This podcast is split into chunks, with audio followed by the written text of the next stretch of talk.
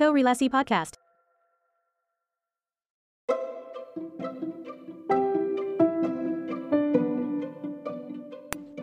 Halo, kita ketemu lagi di Korelasi, satu obrolan podcast tentang arsitektur yang melihat korelasinya dengan berbagai aspek dalam kehidupan. Kali ini episode korelasi ngobrol dengan satu satu alumni, satu arsitek juga yang cukup spesifik tentang hobinya terkait tanaman. Kita ketemu dengan Vikolius Nugroho. Halo Vik. Halo Pak. Halo, apa kabar Vik? Baik, baik. Gimana gimana Ya. sekarang lagi di Jakarta bener ya? Jakarta. Hmm. Pak. Eh, lagi sibuk. Kayaknya spesifik ya, Viko ini sangat identik dengan tanaman. Tapi sebelum sampai ke sana, Viko boleh nggak cerita sedikit tentang latar belakang arsitekturnya? Latar belakang mulai dari kenapa masuk arsitek gitu Pak. Boleh. Kenapa ada ketertarikan ke bidang arsitektur itu sejak kapan gitu? Sebenarnya lebih mulainya itu sebenarnya nggak sangat sepele. Jadi karena dulu awalnya pengen masuk sipil kayak kesannya Oh, kayak oke. keren gitu bisa bisa apa bisa bangun terus eh, kan kontraktor gitu kan kayak eh, uangnya banyak gitu. Impiannya Yang- sederhana. Ya itu pikiran pas SMA lah ya sangat Oke. sangat pendek lah kayak Mhm. cupet terus sambil, sambil jalan pas belajar fisika dan lain-lain ini sipil ini sangat banyak hitung-hitungannya gitu loh Hmm. jadi wah ini nggak mampu lah aku gitu nggak kuat Oke. terus terus ya kebetulan dulu sempet lihat Marvin kuliah duluan kan Hmm. lihat duluan oh arsitek ini asik juga ya gambar-gambar ini gambar-gambar dangkal sekali cuman gambar-gambar pokoknya kan. Mm-mm. gambar terus bisa gambar perspektif pas SMA kayak oh jago bikin perspektif Oh, Oke, itu termasuk modal ya. Eh, eh, eh, eh. Nah. waktu itu yang ternyata sebenarnya eh, pas kuliah perspektifnya gambar, gambar perspektifnya cuman sampai tengah semester gitu terus ya udah jadi akhirnya singkat cerita eh, karena kalau sipil terlalu teknis Hmm. sedangkan saya su- eh, saya sendiri masih suka eh, suka ada art-artnya nyeninya lah. Hmm. jadi mungkin masuk ke arsitek adalah pilihan gitu. Ah, ya udah terus masuk Jadi titik seimbang gitu ya, Fik ya, antara uh, menghitung iya, teknisnya iya, tapi seninya juga ada gitu ya. Heeh, bener Oke. Kemudian Fik saat saat berkuliah kan uh, mendesain sekian macam bangunan gitu ya sebagai latihan, Uh, menemukan keminatan yang makin membesar atau justru kayak, aduh nggak nggak terlalu sesuai sama eks- ekspektasi gitu, yang mana? akhirnya suka akhirnya Oke. Kayak- akhirnya kayak oh ini asik juga ternyata dapat value-nya itu pas semester 6 sih pak Oke. Semester 5 itu mikir salah jurusan masih ada, ada Masih ya. Apa Jadi, yang terjadi di mungkin- semester 6 secara spesifik, Fik?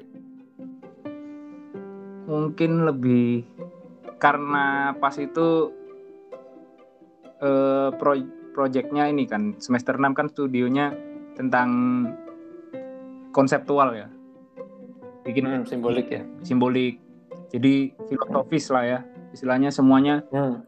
bukan bukan sesuatu yang eh, konservatif yang sangat kolot gitu jadi kayak bolehlah berekspresi pokoknya eh, bisa menyampaikan pesan dari yang mau disampaikan melalui arsitektur kayak gitu gitu Hmm. nah di situ itu dulu kayak sangat menikmati entah kenapa kayak alur gini-gini Hmm. dari itu terus sempet ikut eh, yang suka juga itu sama kelasnya Prof siapa mas? Eh, Pak Efri, bukan bukan Prof Bu, Li- Bu Lili ya Bu Lili. heeh. Ya. Bu Lili ada ini kan teori teori ruang dulu Mhm. aku suka pol kayak gimana kita ini eh, mengolah ruang supaya orang merasakan hal tertentu nah itu yang kayak Oh, oke. itu kayak suka banget di situ nah dari situ itu lulus eh selesai semester 6 sempet magang di ARA ya di ARA hmm. ini juga kayak belajar apa ya belajar taste tentang taste terus tentang kayak eksekusi eksekusi eksekusi bentukan-bentukan gimana hmm. kita mengeksplor lagi kayak gitu nah dari situ sih startnya terus baru ya sampai lulus kayak makin seneng gitu ya kayak oke okay. gitu. Uh, dapat dapat kenikmatan lebih dari arsitektur melihat arsitektur ini nggak sekedar ilmu bangunan gitu ya Vicky ya, tapi ada nilai filosofisnya, ada uh, aspek-aspek keruangannya dan lain sebagainya. Satu karya Viko yang paling saya ingat sampai kalau Viko ingat ini, uh, saya minta filenya uh, untuk untuk kemudian saya dokumentasikan. Uh, yaitu tugas akhirnya Viko. Itu kayaknya apa me, apa ya mewakili aspek hobi, mewakili aspek kesukaan gitu. Boleh cerita sedikit tentang tugas akhir? Iya, jadi tugas akhir saya itu tentang pusat pusat budidaya dan perdagangan kaktus terarium untuk ya? komunitas terarium ya. Nah. Kemudian itu uh, apa? Gimana? Boleh ceritain? Jadi sebenarnya kan kalau mundur sedikit pas semester hmm. Semester berapa ya? Lima semester lima atau itu saya sempat sempat jualan jualan ya, cari uang. cari uang. Nyambi ya, nyambi. Uh, nyambi jualan jualan kaktus, jualan tanaman gitu. Okay. Awalnya sama teman-teman iseng kan kayak eh keberatan yuk beli kaktus ini. Hmm. Terus uh, main-main lah gitu. Terus lama-lama oh ini bisa disusun-susun pakai terarium gini gini gini. Hmm. Terus sedikit banyak kalau saya lihat sekarang, saya lihat dari sudut pandang sekarang dulu tuh kayak latihan main komposisi pas nyusun nyusun kaktus, beberapa macam beberapa tekstur jadi satu satu komposisi yang menarik itu yaitu latihan proporsi dan lain-lain gitu. Nah dari situ terus kayak ya jadi hobi kan sambil jalan terus pas TA apa ya bikin apa ya terus lihat isunya ya lihat dari isu pas saya ini mau jualan kaktus kok variasinya yang di Surabaya ini si sedikit terbatas gitu ya. Oh, terbatas.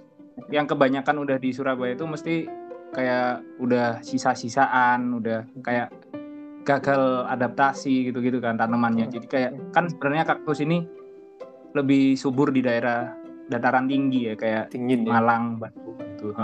Nah, itu terus kayak sedangkan kalau kita pelajarin saya belajar dari YouTube dan lain-lain gitu kayak oh sebenarnya tanaman ini kalau misalkan udah dari apa bisa dikembangbiakan di sini jadi uh, chance of survivalnya itu lebih tinggi. Jadi dia udah lebih adapt akhirnya kita bisa dapat variasi lebih banyak gitu kan. Nah dari situ kayak oh ya kenapa nggak pakai kenapa nggak pakai topik ini aja yang uh, aku sendiri udah lebih apa ya meng menguasai dan menguasai at least gitu ya? menjalaninya itu suka karena karena emang hobi gitu kan gitu hmm. jadilah seperti hmm. itu ada kendala nggak dalam dalam pengerjaan oh kendalanya ada pak sempat stres saya soalnya soalnya kan pak apa hubungannya kan kalau yang punya saya kan sains ya jadi pencahayaan dan penghawaan hmm. alami ketemu Bu Wanda kan akhirnya. Nah, saya tuh science ini lumayan wah ribet gitu lah kayak mesti data hmm. kan, data research dan menghitung uh, gitu ya. Ya untungnya sih tapi data tentang tentang kaktus dan lain-lain ini udah lumayan lumayan ada ya di luar negeri yang udah beberapa kayak data tentang cara requirement dia hidup dan lain-lain ya akhirnya itu bisa dipakai lah jadi data ini ya tapi kesusahannya sih dulu yaitu di segi sainsnya terus pakai software-software uh, untuk uh, simulasi dan ya? lain-lain itu sih pak mhm.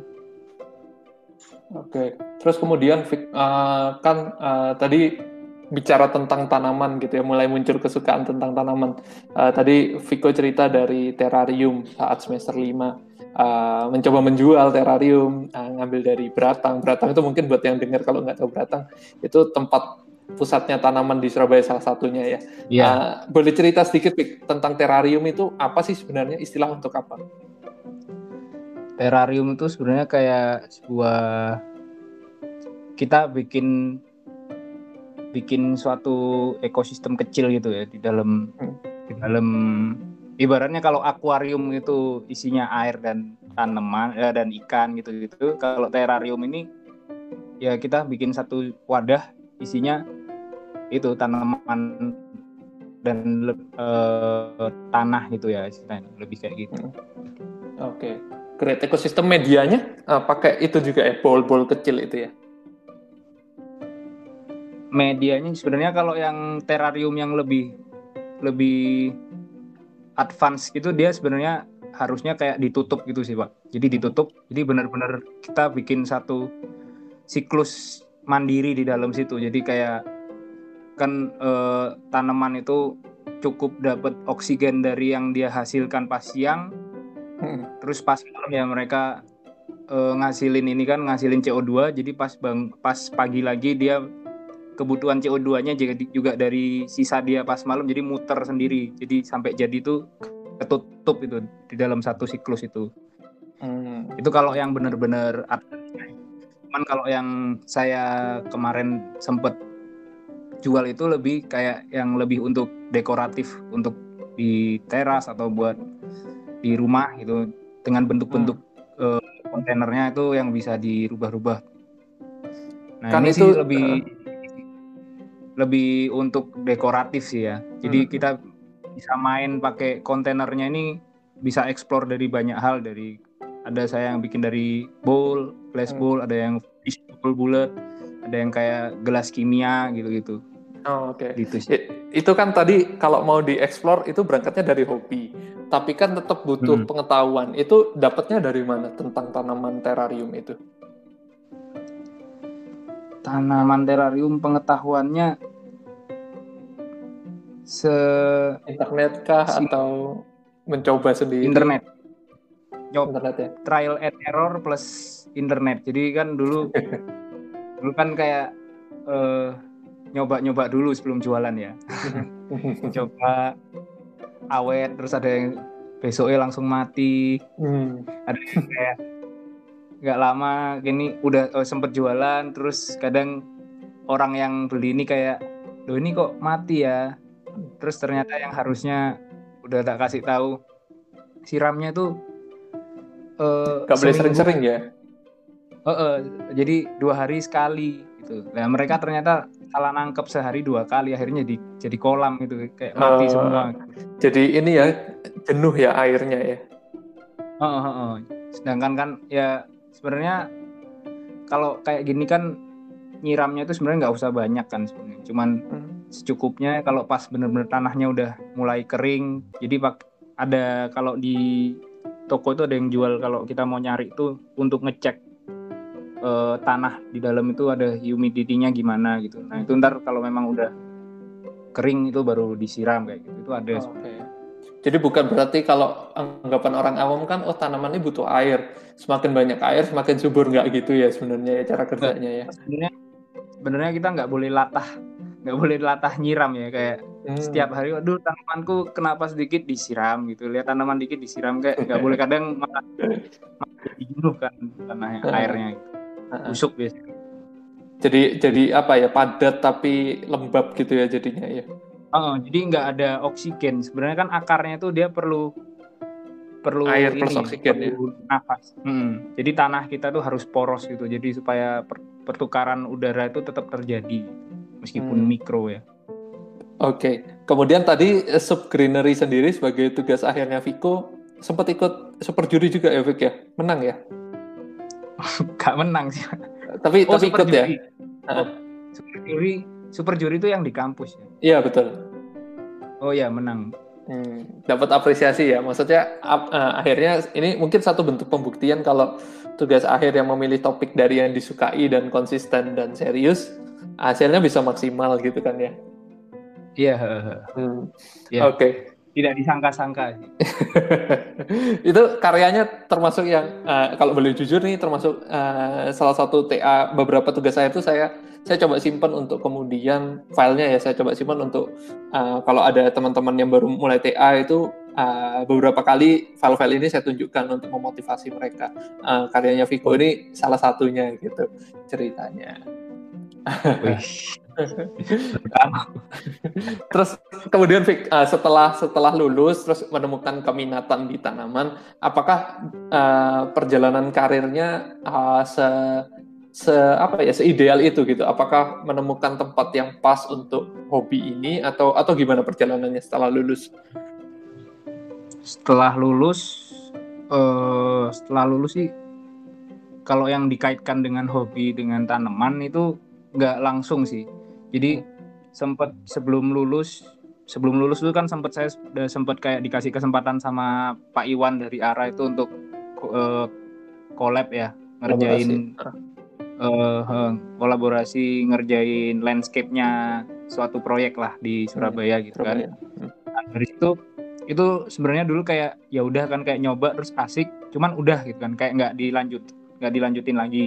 Hmm. Nah, muda terus lulus akhirnya kan kerja di Jakarta awalnya tuh di arsitektur high rise building. Hmm.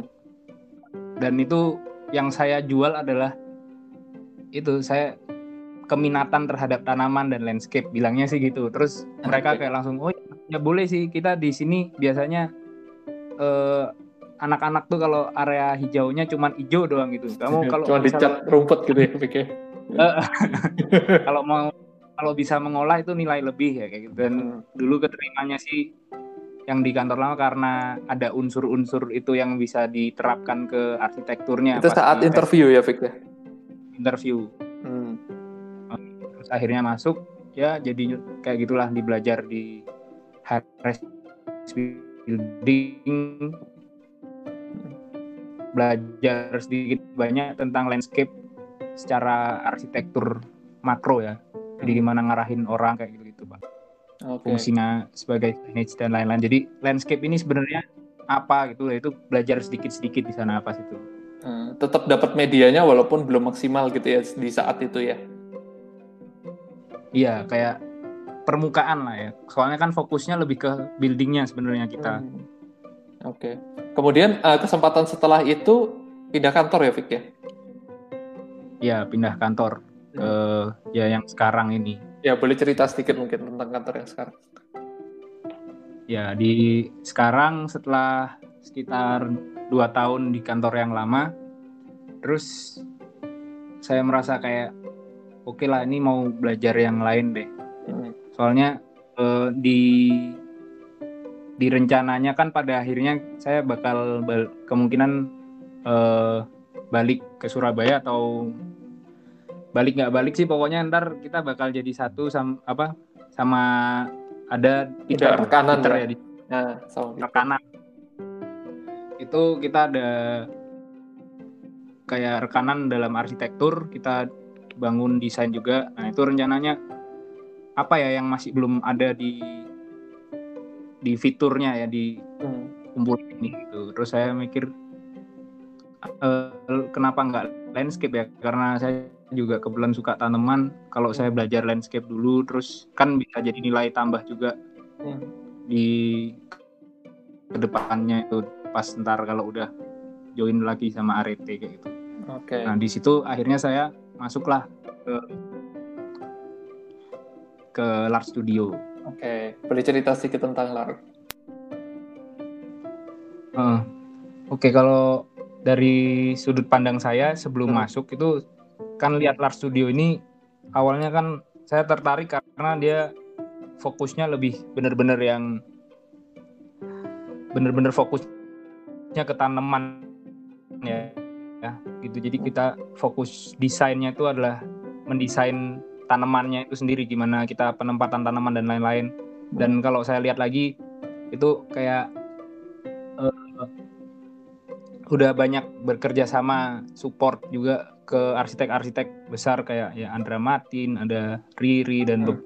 dan mungkin malah melalui Lars ntar uh, ketemu bertemu dengan arsitek-arsitek yang masih belum apa ya belum muncul di permukaan tapi karyanya asik-asik juga gitu kayak Oh, oke. jadi kayak banyak belajar juga di situ kayaknya nah sedikit terus singkat cerita terus saya apply lah ke sana terus ya ternyata eh, karena keminatan ke tanamannya ini cukup besar jadi ya akhirnya saya keterima di situ masuklah Oke. Eh, kalau boleh cerita, tadi kan Viko eh, sempat bilang kalau tanaman ini termasuk landscape outdoor sama interior styling. Eh, bedanya di mana, Vic? Landscape outdoor ini apa yang ditata? Gitu ya. Mungkin sebagian besar ada bayangan gitu ya, tapi mungkin nanti cerita secara spesifik terkait interior eh, plan styling ini apa sih dan dan ngapain aja? Oke, kalau secara landscape outdoor itu landscape outdoor ini mungkin bahasa kasarnya itu kita tukang taman ya, Pak. tukang taman yang tukang taman yang lulusan sarjana gitu-gitu. Oke, oke. Jadi- Apa yang dilakukan? Ya, kita sebenarnya kalau yang dari pengalaman saya sendiri di beberapa proyek itu landscape ini gimana kita penempatan tanaman ini, ini berperan di keseluruhan proyek gitu, Oke. di keseluruhan arsitektur itu sendiri. gitu. Jadi balik lagi sih sebelum memulai desain itu biasanya kalau landscape outdoor ini landscape outdoor maupun indoor plan styling itu kita perannya itu kayak kita tanya dulu ke desainer arsiteknya. Jadi peran mereka mau peran tanaman ini tuh se- sebagai apa Hmm. gitu. Biasanya kan ada yang kayak arsiteknya yang silent, Hmm. tanamannya ini yang loud gitu kan.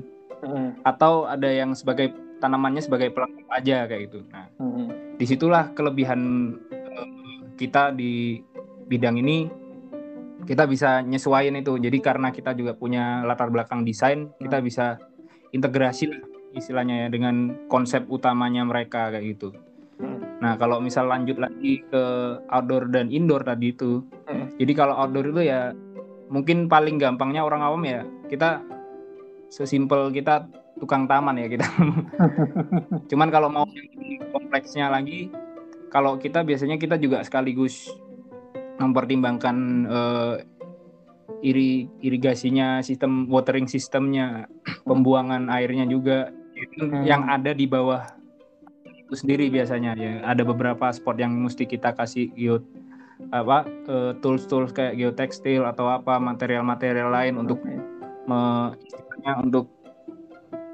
eh, apa istilahnya? Untuk support gitu ya. istilahnya support ya untuk support secara keseluruhan dari taman ini gitu pak.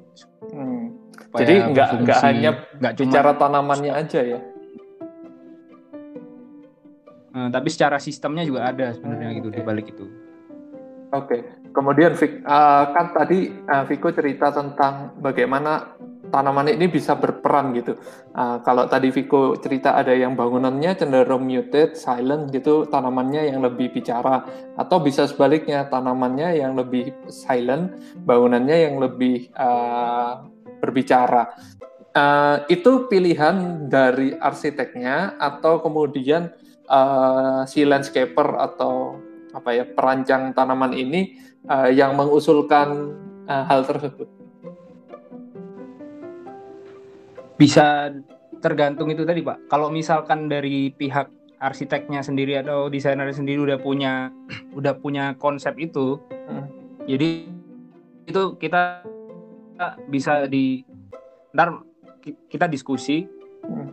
terus lah dari sini baru ketemu nih eksekusinya gimana cuman kadang nggak jarang juga ada yang arsitek yang kayak ya udah ini pokoknya kita ada space-nya kayak gini gini gini dan diserahkan ke klien eh, si owner owner rumahnya Hmm. nah orang yang punya rumah ini baru kayak di situ mereka juga kayak langsung input sesuatu apa subjektif ya yang Hmm. memang dia sukanya ini itu ini itu ini itu gitu Hmm. nah di situ baru kita bisa lebih eh, istilahnya kayak ini tergantung kita nih sekarang gini kita mau gimana gitu Hmm. soalnya kan si eh, arsitek sendiri udah menyerahkan ke kita kan nah itu biasanya sih kalau saya saya lihat juga secara desain keseluruhannya ya bangunan dan lain-lainnya kayak ini kalau bangunannya udah rame gini dikasih tanaman lagi yang kayak ini kayaknya terlalu heboh deh malah malah nggak bisa dinikmati istilahnya tanamannya nah dari situlah baru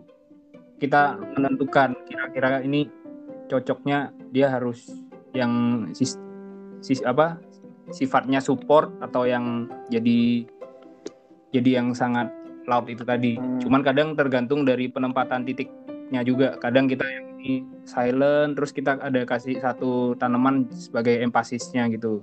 Hmm. Biasanya kayak gitu. Okay. Secara garis besarnya. Ya, Kemudian tadi Viko juga cerita kan berarti integrasi sama desain arsitek lain ya Vik. Uh, kalau kalau boleh dimention atau boleh diceritakan sedikit ya. proses desainnya sebelum bangunannya jadi atau bahkan ya udah ada fisiknya dulu baru kita bisa ngetes gitu. Yang mana? Biasanya sih uh, kalau prosesnya tuh biasanya kita minta Berarti ini lebih ngomong ininya ya Pak, apa uh, eh, tahapannya ya? Betul tahapannya. Kalau tahapannya biasanya kalau misalkan tempatnya jauh gitu ya biasanya kita bisa langsung dari 3D-nya ya, SketchUp-nya gitu oh, okay. dikasih. Terus di situ kita bisa main pakai uh, Photoshop atau saya sih biasanya pakai langsung di SketchUp pakai uh, komponen tanaman-tanaman gitu. Mm -hmm. Jadi kita istilahnya kayak nyusun dulu di situ sama kayak kayak kalau kita studi arsitektur gitu cuman ini khusus tanaman gitu. Jadi kayak situ, nyisipin belajar. komponen baru gitu ya, Fik ya. Uh, uh, uh. Jadi kita kita minta 3D-nya, kita minta 3D-nya terus dari situ kita desain juga. Ya hmm. kalau saya lihat-lihat kayak pas pas saya dulu nyusun apa ngerjain pesanan terarium gitulah. Oh, oke. Okay. Coba pakai tanaman gitu di sini atau pakai jenis apa kayak gitu kan. Dari situ okay. ntar kalau udah oke okay, biasanya saya uh, pindah ke Lumion untuk di render terus barulah kita kasih secara perspektif kayak gini gini gini. Itu kalau misalkan bisa. Cuman kadang ada juga yang kayak klien nggak punya nggak punya filenya nih. Ya udah nggak hmm. punya catnya nggak punya ininya nggak punya juga nggak punya gitu ya. Nah, uh, ya itu otomatis kita mesti site visit dan lain-lain terus kita ngukur sendiri survei biasanya terus saya nyobanya itu uh, di Photoshop langsung lah dari di foto itu gitu ya hmm, hmm, hmm. dimontas oke okay. kayak gitu biasanya oke okay. kemudian uh, tadi kan ada yang 3D-nya ada ada yang 3D-nya tidak ada Terus kemudian ya sebisa mungkin itu disimulasikan gitu. Nah, uh, parameter saat mensimulasikan itu apakah hanya tadi yang Viko sebutkan antara loud atau sport gitu ya atau silent tadi atau justru ada kuncian-kuncian lainnya. Katakanlah misalkan budget gitu. Apa aja sih parameter yang mengunci tahapan desain styling tanaman dalam bangunan ini? Kalau untuk itu biasanya kunciannya tuh selain budget ya kalau misal hmm. kita ngomong secara teknis dulu berarti kalau secara hmm. teknis dulu itu biasanya kita bisa lihat dari uh, space yang disediakan oleh arsitek di lapangan okay. ya nah, jadi misalkan dia punya kedalaman tanah itu berapa terus uh, ke kebutuh apa apa uh, supply cahaya di situ itu ada seberapa oh, banyak okay. tingkat terangnya jadi apakah memungkinkan untuk kita pakai tanaman di situ atau paling ntar bisa ber paling pengaruhnya lebih ke jenis tanaman yang bakal dipakai dengan intensitas cahaya sebanyak itu kayak gitu. Hmm. hmm. Jadi kalau dari segi teknis mungkin itu ya. Jadi fungsi uh, requirement dasar tempatnya gitu ya, Fik ya. Nah, uh, terus balik juga bisa dengan ini ruangan di sekitarnya kalau misalkan kita lihat uh, ini area living room, area apa itu kan ntar kita juga bisa suggest untuk taruh tanaman yang yang emang bisa dinikmati untuk dap, apa itu tadi yang balik di awal yang integ integrity itu sama secara keseluruhan desain jadi dia udah bikin framing sebesar ini ntar kita taruhlah sesuatu yang empasis di situ kayak gitu gitunya pak nah okay. terus baru kalau misal ngomong budget yaitu biasanya sih kan kita kalau udah mendesain kan berarti udah punya ini ya kayak istilahnya RAB-nya ya.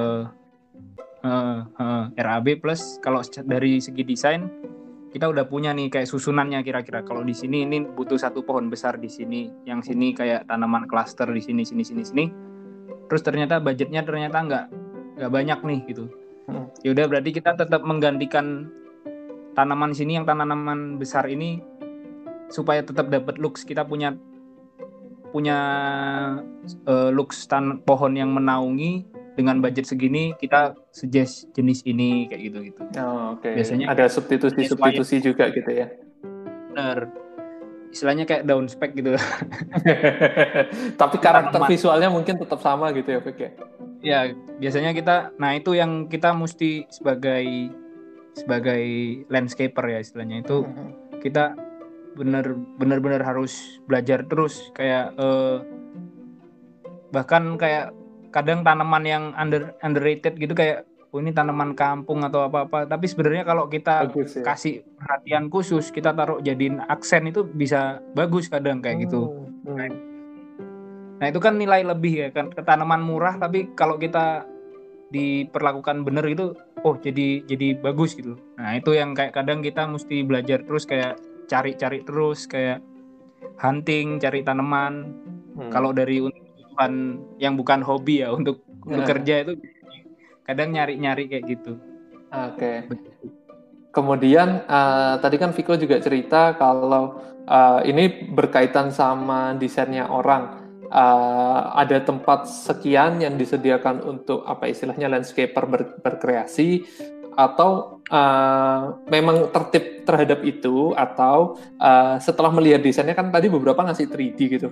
Apakah kemudian pernah dalam satu kesempatan itu eh, kayaknya space ini bagus deh, tapi si arsitek nggak nyadar kalau ini bisa dikasih tanaman dan lain sebagainya. Pernah mengalami hal yang seperti itu nggak? ah ya pernah sih pak kayak Gimana gimana? apa ya nah ini biasanya kayak eh, arsitek udah kasih space-nya Hmm. dia misalkan kita lihat di AutoCAD-nya ini ada notasi pohon di sini sini sini sini Mm, mm, mm. Tapi ternyata pas di lapangan oh ini tetangganya ini udah punya pohon sangat besar punya ketapang gede gitu loh. Kayak Oh, Oke. ini kalau mau dikasih lagi itu malah malah jelek malah keramaian gitu kan. Hmm, terus ya akhirnya barulah di situ kita saranin kayak oh ini dikurangin di sini kita pindah untuk area belakang. Kayak di area belakang tuh awalnya dia cuman mau cuman mau dry garden. Mm, mm. Tapi intensitas cahayanya kurang di situ kayak lo ini nggak bisa kan kayak gitu. Hmm. jadi gardennya ini yang di pikiran dia tuh dry garden yang kaktus gitu-gitu Hmm. jadi untuk ngakalin itu ya kita dry garden tapi jenis tanamannya itu tanaman yang shaded area ya istilahnya ya. Ah, Jadi tanaman intensitas cahaya rendah kayak fern, kayak pakis, Hmm. pakis kayak jenis-jenis beberapa tanaman lagi. Mungkin kalau saya sebutin di sini Panjang. philodendron istilah-istilah istilah-istilah gitulah yang mungkin kalian bisa search sendiri. Ah, oke. Philodendron. Gitu. Oke. Kemudian eh, tadi Viko cerita ada sekian jenis tanaman gitu yang dipakai. Ada yang tipenya memang eh, bagus, mahal, ya fine, dia pasti terlihat baik gitu. Tapi ada juga beberapa tanaman yang sebenarnya tadi istilah tanaman kampung mungkin, tapi saat di treatment baik itu bisa menjadi satu hal yang menarik gitu. Eh, adakah dalam desain landscape ini library itu dikunci? Maksudnya kalau dikunci ini berdasarkan availability di supplier atau eh, dari scan library oh bagusnya ini ya nanti diusahakan supaya tanaman ini ada walaupun suppliernya susah gitu katakanlah itu lebih kayak yang gimana Fik? Prioritasnya gitu ya, Pak. Iya betul. eh biasanya sih kalau misalkan misalkan dia availability-nya susah, Iya. tapi karena dia fungsinya sebagai kayak empasisnya, jadi kayak aksennya, Hmm. ya biasanya kita kasih perlakuan khusus kayak misal kita request langsung ke beberapa orang untuk nyariin untuk yang spesifik kayak gini. Mhm. Nah, sedangkan yang lainnya kayak yang udah biasanya sih kalau yang untuk tanaman supportnya kayak cluster-cluster di area-area lain tuh hmm. biasanya kita udah punya punya formula sendiri ya istilahnya kayak oh, okay. layer layer pertama ini layer kedua ini layer ketiga ini hmm. jadi gimana kita di blend jadilah looks kayak gini yang biasanya natural uh, messy natural gitulah kayak hmm. berantakan tapi berantakan Sebenarnya yang direncanakan ya uh, berantakan yang direncanakan kayak gitu. Uh, Okay. Biasanya sih yang suka kayak gitu tuh biasanya dulu kalau pas kita ngerjain uh, proyeknya ini Mas Aang ya biasanya uh, uh. dia mau dia nggak mau yang istilahnya yang sangat terlihat susunan orang kayak gitu. Jadi dia maunya itu kayak satu warna tapi beda-beda berbagai tekstur. tipe gitu ya. Uh, uh, jadi kayak natural tapi bagus gitu. Nah itu biasanya kalau arsitek-arsitek ada ya itu yang saya dulu sempat bilang tadi pas sambil belajar sambil kerja di sini tuh kayak belajar banyak hal dari hal, gimana arsitek-arsitek ini menggunakan tanaman gitu ya. uh, uh, uh, menggunakan tanaman untuk di dalam desain dia itu gimana itu banyak sekali belajar di situ. Hmm. Oke. Okay.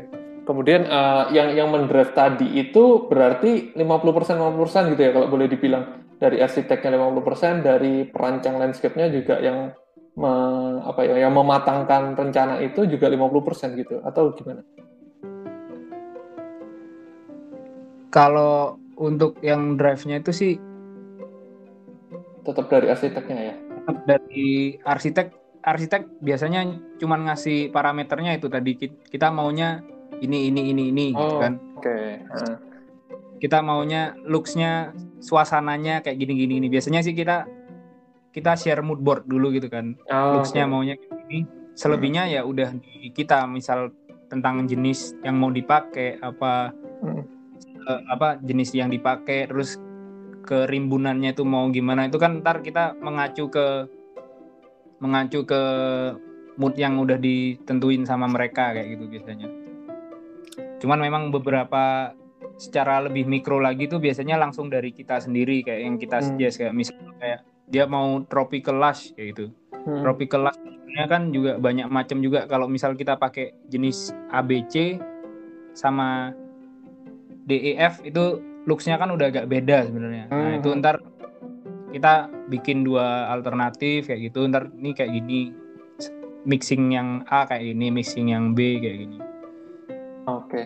Uh, eh, kemudian kalau tadi bicara tentang uh, kan mendesain, merencanakan, mau nggak mau kalau bicaranya arsitektur kan kalau kita ada yang merencanakan sendiri, ada yang melaksanakan sendiri gitu ya, Vicky. Ada arsitek, ada kontraktor. Kalau landscaper ini termasuk yang melaksanakan juga berarti?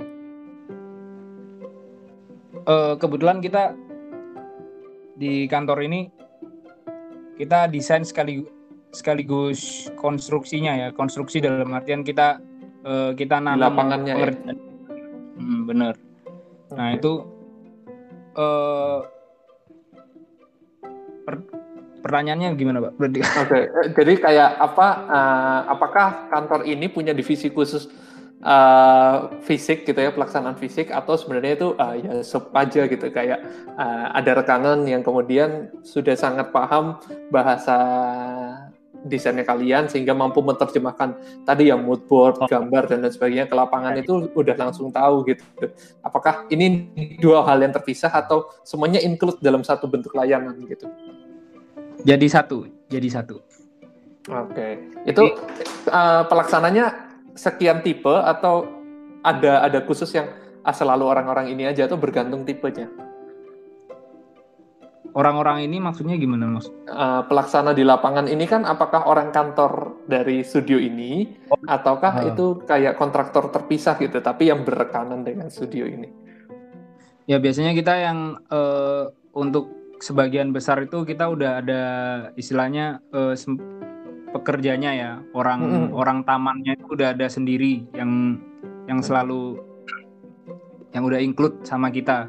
Jadi kita ntar tahapannya kita udah mendesain kalau udah deal dan lain-lain udah approve hmm. oke okay, kita langsung uh, ada supervisor biasanya yang oh, okay. untuk untuk apa untuk ngawasin pengerjaan sama schedule dan lain-lain Nah biasanya di situ eh, desainer ini bisa ikut tuh. Di situ kita kalau Hmm. misal awal-awal kita dulu saya awal-awal ngikut untuk lihat. Jadi Otomatis pengawasan ya, Fik ya. eh, antara satu pengawasan, dua juga belajar lebih belajar secara praktikalnya sih pak. Jadi kita nggak Ah, cuma kalau di laptop gitu kan kita cuma tahu oh ini bagus nih taruh sini sini sini sini. Ternyata teknisnya susah gitu ya. Teknisnya susah terus ini kalau tanaman kayak gini ntar terlalu penuh dia bakal gimana kan kita biasanya eh, nyusun itu juga misal di satu area ini kita pakai Hmm, 5 polybag tanaman ini gitu. Hmm. Ternyata kalau 5 polybag ini terlalu renggang-renggang jadi kosong gitu kayak Hmm. kurang dapet fitnya. Jadi kita mesti agak banyak kayak gitu atau Hmm. kalau misalkan pakai tanaman A B C D ini jarak tanamnya itu nggak bisa sejauh ini, mesti sedekat ini. Nah itu itu yang mesti kita sambil ke lapangan ya istilahnya untuk Hmm. untuk lihat juga. Terus plus kita kan biasanya sambil estimasi juga ke Hmm. buat klien kira-kira ini pengerjaan berapa lama. Oke. Estimasi itu kita juga belajar dari lihat ke lapangan juga sebenarnya. Jadi Hmm. misal eh, kita untuk di taman rumah A ini di proyek A butuh tanaman eh butuh tanah berapa truk kayak gitu. Nah Hmm. itu kita dari itu juga jadi indikasi kita untuk nentuin waktunya gitu loh. Ini Hmm. tuh loading loading tanah itu berapa hari kayak gini gini. Hmm. Nah itu biasanya yang perlu perlu dikunci juga. Jadi kayak Heeh, jadi kita perlu tahu itu terus kebutuhan-kebutuhan kalau area seluas ini berapa meter persegi itu butuh tanahnya Tanahnya. berapa Ah, berapa oke. volumenya gitu. Oke. Di situ biasanya. Jadi belajarnya saat saat mengawasi itu bukan hanya untuk menjaga rencananya studio ini bisa terimplementasi 100%, tapi juga ada hal-hal yang justru dipelajarinya dari mengamati di lapangan gitu ya kurang lebih ya. Bener. Oke. Kemudian kalau tadi kan bicaranya arsitek dengan studio landscape ini, Eh, klien posisinya di mana, Vic? Klien ini Arsitek. maksudnya eh, pemilik bangunan gitu. Kan ada arsitek perencana, ada pemilik bangunan, ada studio landscape nih. Eh, apakah hanya arsiteknya saja dari pengalaman kalian ini? eh, kayaknya arsiteknya aja yang in charge, yang diskusi dengan kalian, atau sebenarnya pemilik bangunan atau klien itu juga punya peranan dalam diskusi. Oh, gini, lucunya seperti ini. Biasanya kalau dari ceritanya beberapa kan saya ada beberapa itu beberapa eh, yang langsung sama klien Oke, atau beberapa melalui penunjukan dari arsitek kayak gitu oke, kan. oke. Kalau yang dari arsitek dulu nih. Kalau Mhm. yang dari arsitek, biasanya ceritanya itu katanya orang landscape itu biasanya yang menengahi. Jadi yang jadi pas kita masuk itu biasanya kondisi itu habis panas gitu, Pak. Ah, Kayak wah ini ternyata habis segini buat konstruksi ini ini ini ini, ini gitu kan. Hmm. Biasanya landscape ini yang ngademin Selain- gitu ya. ngademin ya. Benar. Jadi kayak mereka kayak istilahnya refreshingnya mereka gitu. Hmm. kayak gitu. Jadi klien tetap ikut langsung, cuman Hmm. arsitek ini lebih kayak istilahnya dia menjaga konsep dia kan. Oke. Cuman kan tetap ke klien punya keputusannya klien ya. Heeh, Ah. Terus? gitu. Kalau kalau untuk yang klien langsung ya, kalau yang klien langsung ini kalau pengalaman saya yang paling berkesan istilahnya, tapi Hmm. nggak jadi sih. Jadi nggak jadi kebangun karena ya masih ada masalah budget kayaknya dia Ah, ah, dari perencanaan ya. Jadi orang ini itu eh, udah umurnya udah lanjut, Hmm. dia punya rumah di daerah deket Bogor situ. Hmm. Desain rumahnya ini oleh Andra Matin di 2008 kayak gitu. Oke. Nah, terus dia mau renovasi plus renovasi ulang tanamannya juga. Hmm. Ketemu kayak gini-gini. Hmm. Ini kayak salah satu contoh maksudnya klien yang dia tuh eh, awalnya dia benar-benar nggak tahu dia itu maunya apa gitu. Jadi dia Hmm. benar-benar serahin ke kita dulu. Hmm. Cuman dia cuman ngasih kuncian saya suka eh, saya suka misal di area dia punya kayak semacam inner court gitu. Hmm. Saya pengennya punya suasana kayak rawa di sini. Hmm. Di situ adanya bekas bekas reflecting pool dengan pohon Hmm. satu kambot nah Hmm. saya ingin punya eh, suasana rawa-rawa di sini terus Hmm. kalau yang di si lain-lainnya itu dia masih nggak tahu coba deh kamu kasih usulan kayak gitu nah itu di Hmm. sini kayak itu tadi kayak gimana kalau kita memposisikan apa ya kalau kita memposisikan kita ini sebagai arsiteknya Hmm. dengan meshing bangunan kayak gini halamannya luas kayak gini Hmm. ini paling bagus kayak gimana sih kan kalau bangunannya Mas Ang kan kebetulan kalau yang di ini kayak yang unfinished gitu kan Hmm. Eh, Main-mainan Pasangnya. gitu ya.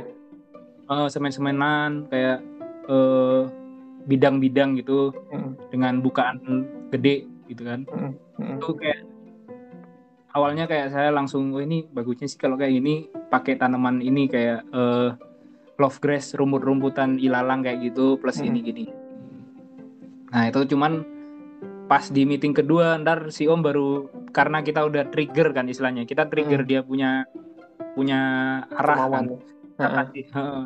kita kasih gini gini gini saya bikin jadi dia rumahnya bagian belakang tuh kayak hadap ke lembah gitu ke Hmm. ke golf gitu jadi kayak Hmm. luas gitu dia maunya kasih rumput di situ gini gini ini udah saya kasih terus dia baru nge kayak oh oh ya saya ini sukanya tuh saya suka bunga-bunga dia bilang gitu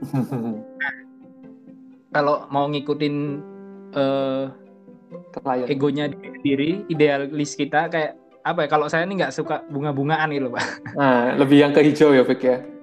iya hijau hijau yang halus soft gitu cuman dia Hmm. mau bunga nih Hmm, Nah, gimana tuh? ya jadi kalau saya sih supaya tetap memposisikan kliennya ini senang jadi oh, saya coba ini coba pakai stylenya tuh English Garden jadi kayak Ah. tanaman bunga tapi teksturnya kecil tekstur Hmm. halus Heeh.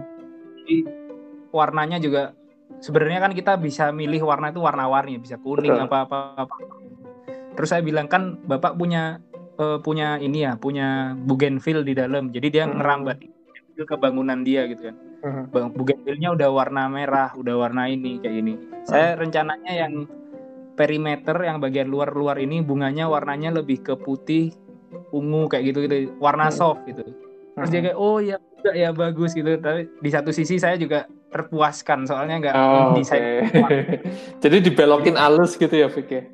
iya dibelokin halus kayak gitu terus dia baru baru ngeh juga eh saya kayaknya enak nih kalau di belakang sini Heeh. dia mau kayak pengen dia tuh pengen punya kayak sanctuary kayak punya tempat me time kayak gitu sambil Hmm. lihat ini terus yaitu kita kasih tahu ini ada pohon namanya pohon bodi pohon bodi itu istilahnya kayak pohon peneduh ya pak jadi kayak Hmm. naung kayak payung kayak gitu gede nah ini bagus nih biasanya kalau buat ditar kas ditaruh di pojokan kayak gitu Hmm.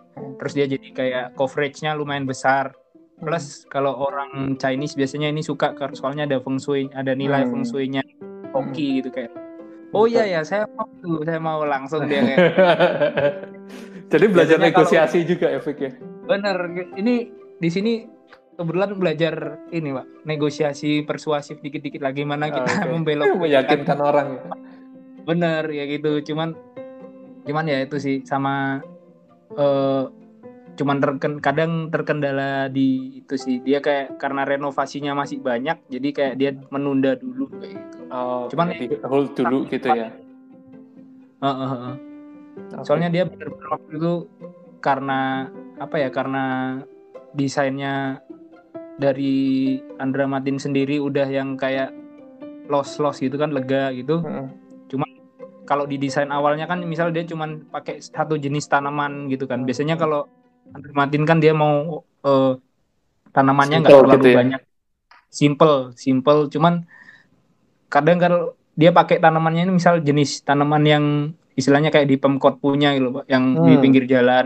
Mm-mm. Wah, ini yang rame makan. gitu ya. Heeh, kayak ini coba pakai jenis yang gini bisa lebih bagus kadang gitu. Nah, itu Hmm, kenapa sangat menikmatinya itu eksplornya Termasuk- banyak. persuasifnya ya.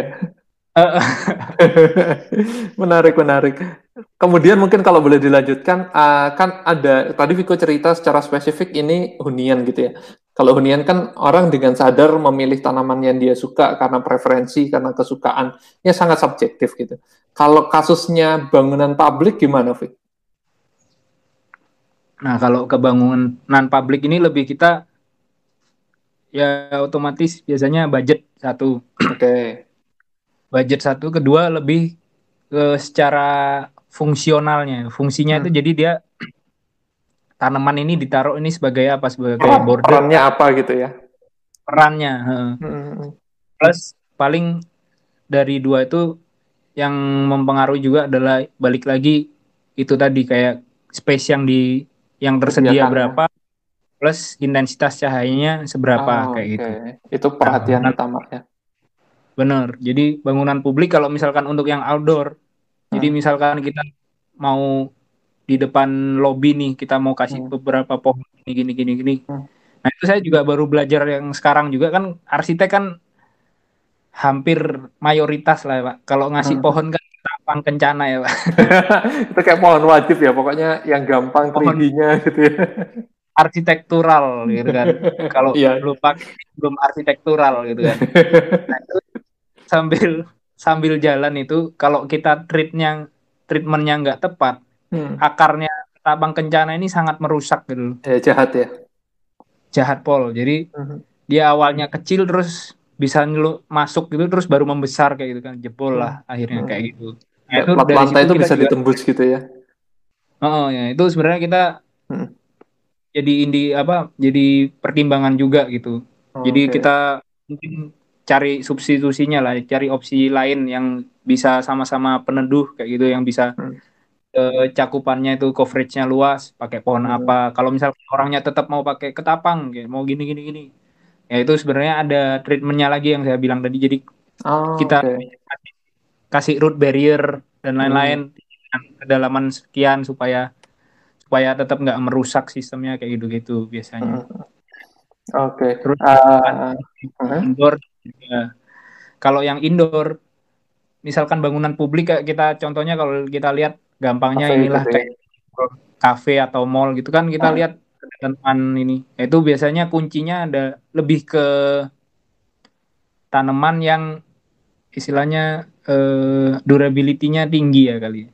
Hmm, okay, okay. Tahan banting istilahnya. Hmm. Jadi supaya memudahkan maintenance-nya. Soalnya kan mau nggak mau tanaman indoor tuh kita harus rolling ya. Hmm. Jadi kayak dua hari dua hari sekali, tiga hari sekali ditukar. Hmm. Jadi yang yang dalam ini di luar dulu dijemur, diganti sama yang sebelumnya udah dari luar kayak gitu.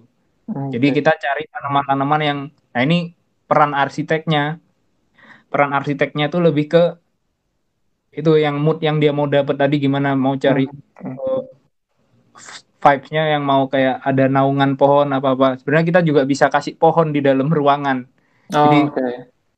uh, uh, jadi kita di kantor di kantor Lars ini kayak kita dapat belajar itu pakai pohon pule, tahu nggak? Ah, tahu, tahu. Nah, pohon pule itu yang masih bayi itu, yang masih kecil kayak 2 meter, masih kayak payung itu, dia bisa kuat di dalam indoor. Jadi paling oh, seminggu, kali ditukar gitu. Jadi hmm. kita bisa ngerasa pohon di dalam ruangan, tapi pakai pohon hidup. Biasanya kan kalau udah pohon kan biasanya orang, -orang artifisial ya.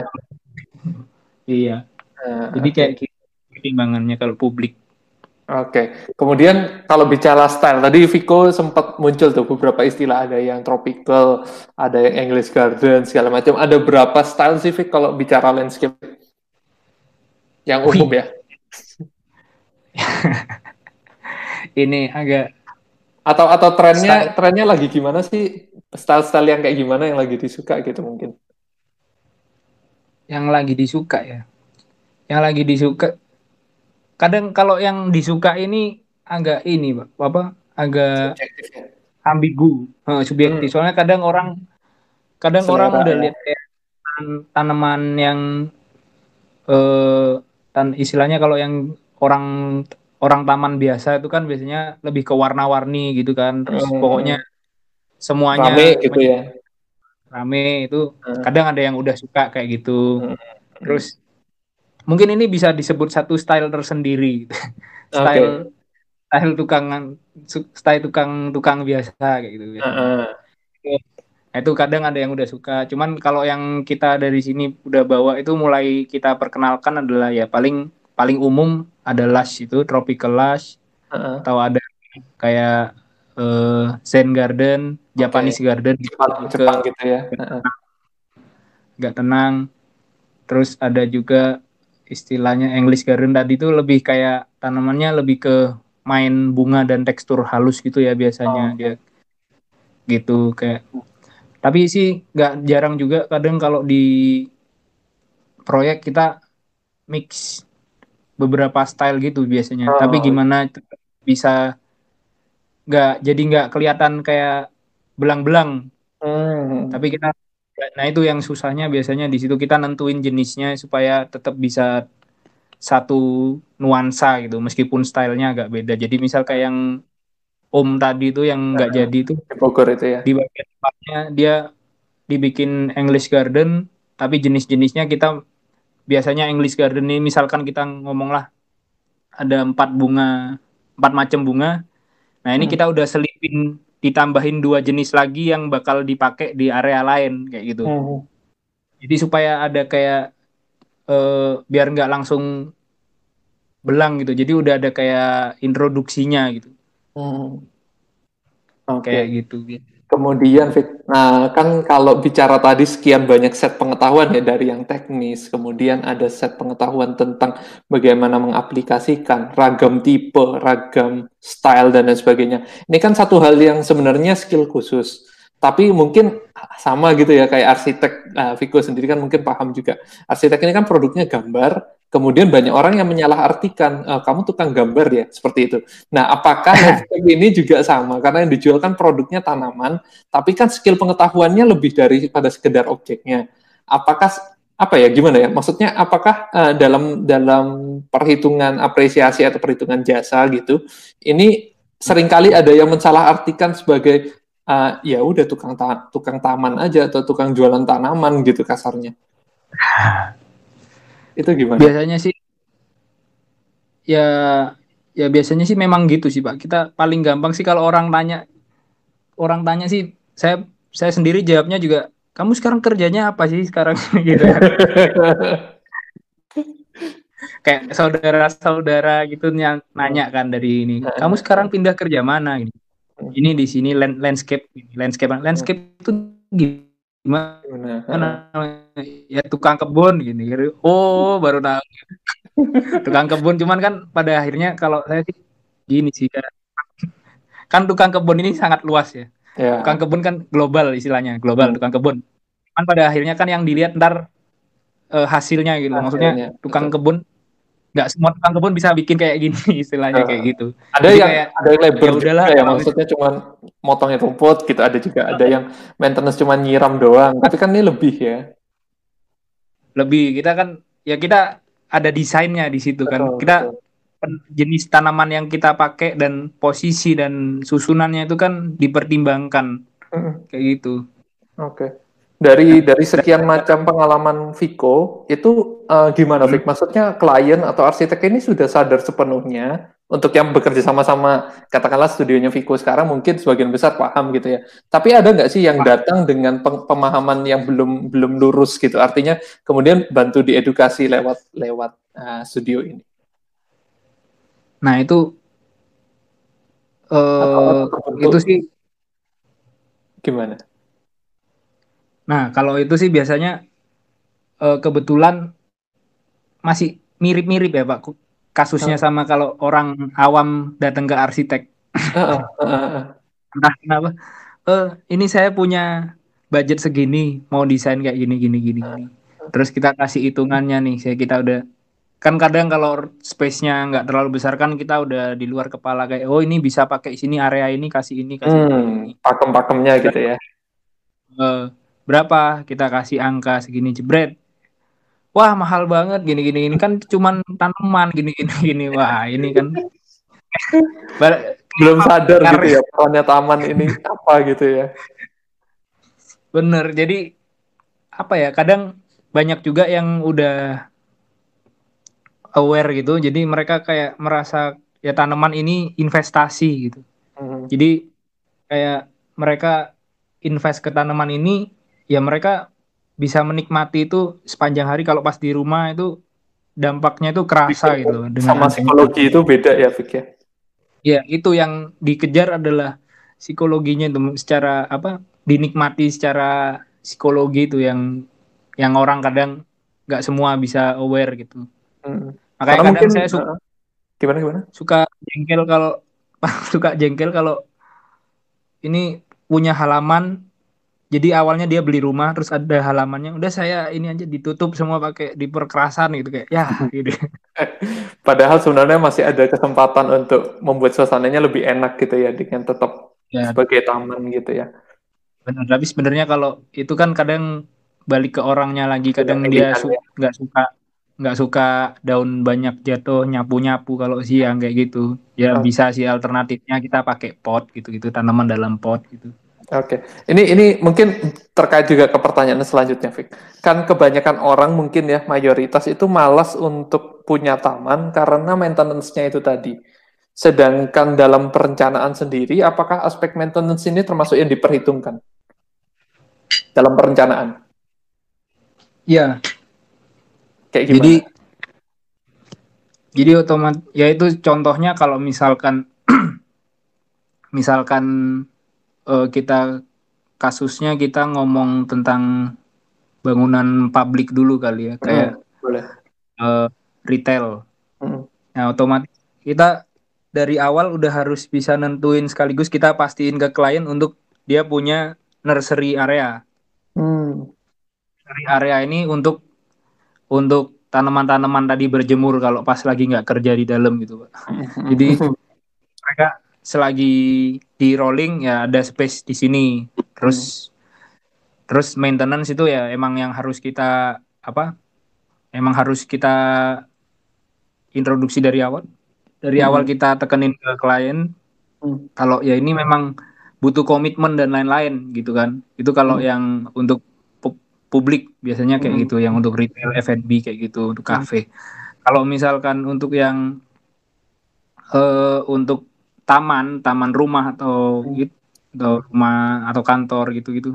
Biasanya sih lebih yang untuk outdoor ini kita biasanya sekalian tawarin hmm. ada ada paket untuk maintenance dengan oh, okay. kita bisa full dari kita atau mungkin kita sifatnya adalah supervisi. hmm. Kalau supervisi ini berarti ini kondisinya mereka punya in-house gardener itu. Hmm. Jadi kita ntar kita yang Marahin kita ya. kita kasih mereka training ini nah, harus gini, gini. Jadi kita sifatnya supervisi seminggu sekali atau dua minggu sekali untuk mastiin hmm. mastiin gak cuma gak cuma tanaman kadang kalau misalkan yang udah ada uh, sistem otomatis pengairannya itu kita juga ngecek ngecek itu biasanya kayak intensitasnya berapa gitu ya uh, apakah ini masih ideal frekuensi ya. penyiramannya masih bagus kayak gitu-gitu benar. Oke. Okay. Kemudian tadi mungkin ceritanya akan menjadi komplit gitu ya dari merencanakan, mengimplementasikan, bahkan setelahnya itu me, apa ya merawat gitu bahasa sederhananya. Uh. Uh, kalau bicara lebih lanjut tentang tanaman, uh, peran tanaman sendiri, kalau dulu pas perkuliahan ya Fik ya sebagai arsitek uh. itu kan simple banget, cuman ada pengarah, peneduh, uh, dan lain sebagainya. Kalau setelah Viko mendalami tentang landscape ini, peran tanaman itu ada berapa berapa ragam sih, Viko? Mungkin kalau mungkin bahasanya bukan berapa ragam ya, lebih okay. sebagai apa mungkin. Oh iya, boleh boleh boleh. Kayak uh, kalau dalam arsitektur ya Pak ya. Mm -hmm. Kadang uh, peran tanaman ini lebih untuk secara gampangnya itu untuk melunakkan ya biasanya istilahnya itu kayak hmm. kadang kita punya space yang terlalu dingin gitu keras gitu ya kalau satu tanaman di situ tek gitu langsung feelnya langsung beda gitu kan soalnya okay. kalau misalkan katakanlah kita main dengan cahaya cahaya hmm. sama bayangan hmm. ketika kita uh, dinding itu kena bayangan dari daun-daun pohon goyang itu kan langsung feelnya beda secara hmm secara ruang dari dalam melihatnya kayak ada suara daun. Mungkin saya mungkin karena itu tadi karena suka hal-hal yang bersifat psikologis gini-gini saya rasakan ya kayak selain untuk kalau secara fungsionalnya dia sebagai peneduh sebagai pengarah kayak gitu untuk untuk penutup saya lebih lihatnya sih itunya ya jadi kadang kayak yang sama ada lagi di Om yang ini masih masih sama di kasusnya rumahnya si Om ini yang di Buker ya. dia duduk di bawah naungan itu dia mau dia mau rumah itu ada naungan gitu. Terus dia ada mau berasa di kayak di sekitar dia tuh ada tanaman yang bisa dijangkau. Jadi apa ya, secara psikologis megang tanaman itu ini apa ya ada Kayak- interaksi sama kehidupan gitu ya pikir rasanya. Jadi kita pegang terus kita bisa lihat apa air-air yang ada di daun gitu, bulir-bulir. Hmm. Ya paling paling kelihatan sih lebih ke bayangan itu sih yang paling saya suka ya. Hmm. Kayak bayangan daun ke dinding jatuh, suara-suara kalau pas ada angin kayak gitu. Kan tuh beda kalau misal nggak ada pohon, nggak ada tanaman kan ada angin di ruangan apa di area itu ya ya udah cuman wush gitu. Nggak ada sela-selanya gitu ya. Mm-mm, biasanya yang saya suka sih itu jadi kalau lihat rumah dindingnya rough itu, oh ini bagus nih kalau dirambetin tanaman kayak ini Ah, bisa oke. lebih ini kayak gitu. Jadi kan kita tanaman kan ada yang creeper juga kan, ada yang istilahnya rambat. Nah itu biasanya bagus juga buat kalau misalkan mau mengisi yang nggak makan banyak space. Oke. Gitu. Kalau kalau bicara tanaman sendiri, eh, tadi Viko sempat eh, mention gitu ada beberapa tipe, ada yang rambat, ada yang pohon ya bentuknya, ada yang kemudian kayak rawa tadi. Eh, ada ada berapa tipe Vik kalau tanaman itu sebetulnya? Tipenya tipenya sangat banyak sih pak, Eh, banyak. kalau yang umum gitu maksudnya kalau kalau ngisi Yang dari umum- library gitu kayak oh, ini Oh. rambat deh, ini eh, tanaman estetis gitu misalkan atau atau kayak gimana? Oh ya, yang secara fungsional yang pasti ada tanaman yang menjuntai ya istilahnya menggantung Gantung. kayak gitu, gantung, merambat, Hmm. Eh, ground cover, ground cover tuh yang buat nutup nutup. Nah Rumput lah nutup ya. tuh kayak bisa bisa rumput, bisa tanaman-tanaman yang buat nutup tanaman yang berupa semak, Oke. pohon. Pohonnya tuh bisa pohon istilahnya kalau pohon yang udah tua tuh biasanya pohon fosil istilahnya. Oh, oke pohon fosil. Pohon fosil nih biasanya yang dijadiin kayak Core-nya ya. ini main core-nya ya biasanya kayak soalnya dia udah biasanya kalau pohon yang udah tua tuh dia udah berkarakter. Hmm. Jadi kita tinggal taruh itu tek satu itu udah langsung Monumental beres gitu ya rasanya ya, Fik ya. Eh, langsung monumental bener. Heeh. Kalau misalkan yang ya intinya tanaman ini juga bisa untuk apa bantu kita kalau pas mendesain Hmm. untuk menegaskan suatu ruangan itu pak. Misal kita Oke. misal kita punya eh, terasan kita bisa kasih tanaman menjuntai itu di satu sisi untuk yang membatasi di situ jadi kayak ada tirai ada bidang gitu tapi bidangnya ini organik gitu Oke. Heeh, Jadi kayak gitu loh banyak ya macamnya ada yang membatasi ruang, ada yang menegaskan ruang, tadi ada yang mengisi dinding dan lain sebagainya.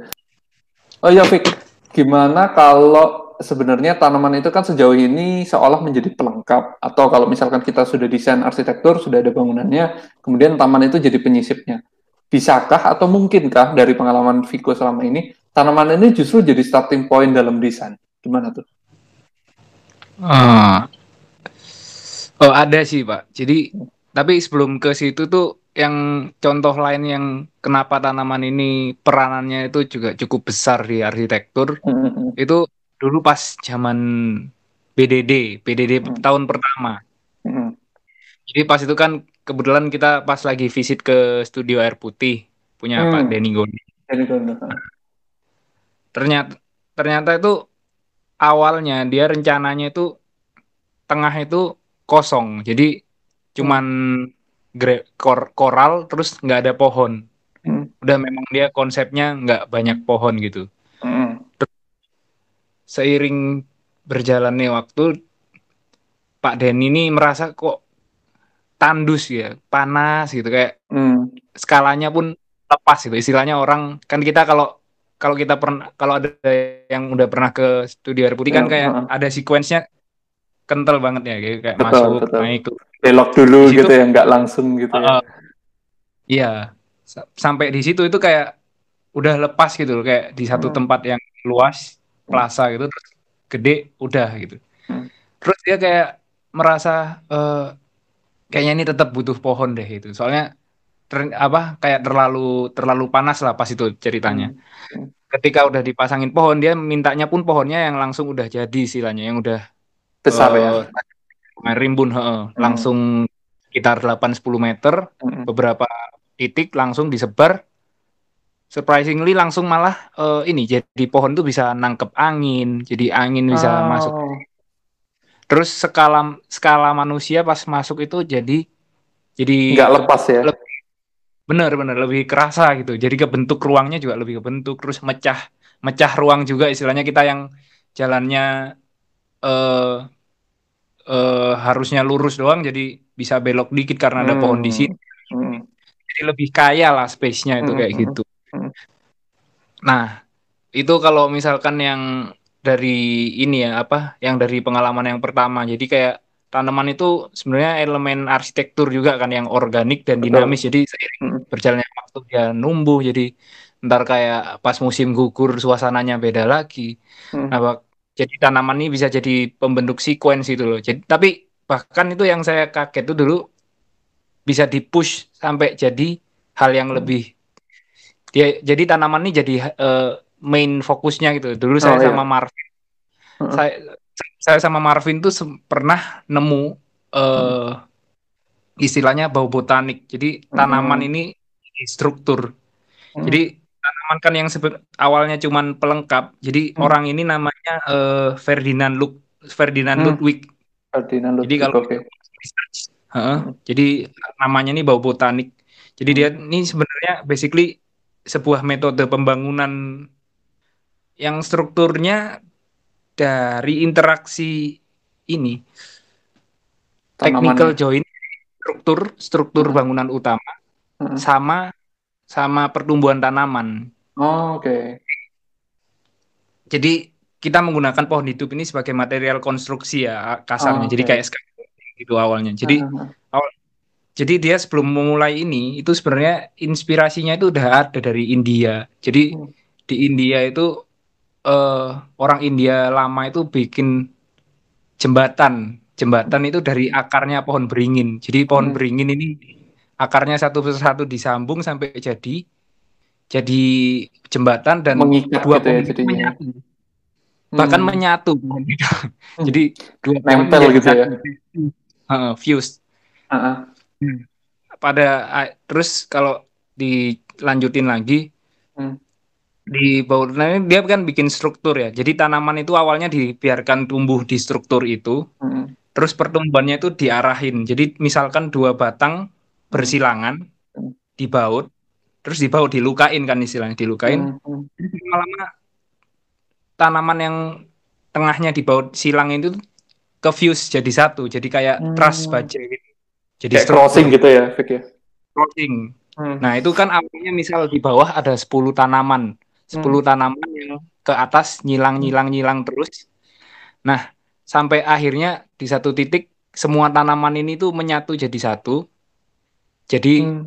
yang awalnya 10 tanaman jadi satu tanaman besar hyper apa istilahnya hyperorganism gitu dia bilangnya. Hmm. Jadi jadi satu tumbuhan besar membentuk bangunan jadi struktur gitu. Hmm. Jadi kayak bau botanik itu project yang dibangun tapi hidup. Jadi kayak terus manusia atau yang tinggal di dalam situ penghuni penggunanya itu ngerasakan banyak hal dari per, apa dari fase hidup tumbuhan itu. Jadi misalkan eh, di musim panas, musim panas kan tanaman berdaunnya full ya Hmm. bisa jadi shading jadi shading ke Hmm. bangunan itu pas musim gugur rontok pas musim dingin jadi open kan jadi bukannya Hmm. lebih lebar Terbuka. matahari lebih maksimal gitu jadi Hmm. kayak selain menguntungkan bagi kita itu juga sekaligus dia ngangkat isunya itu salah satunya jadi kayak menambah organisme di istilahnya apa ya istilahnya kayak menambah pohon gitu loh jadi tapi Hmm.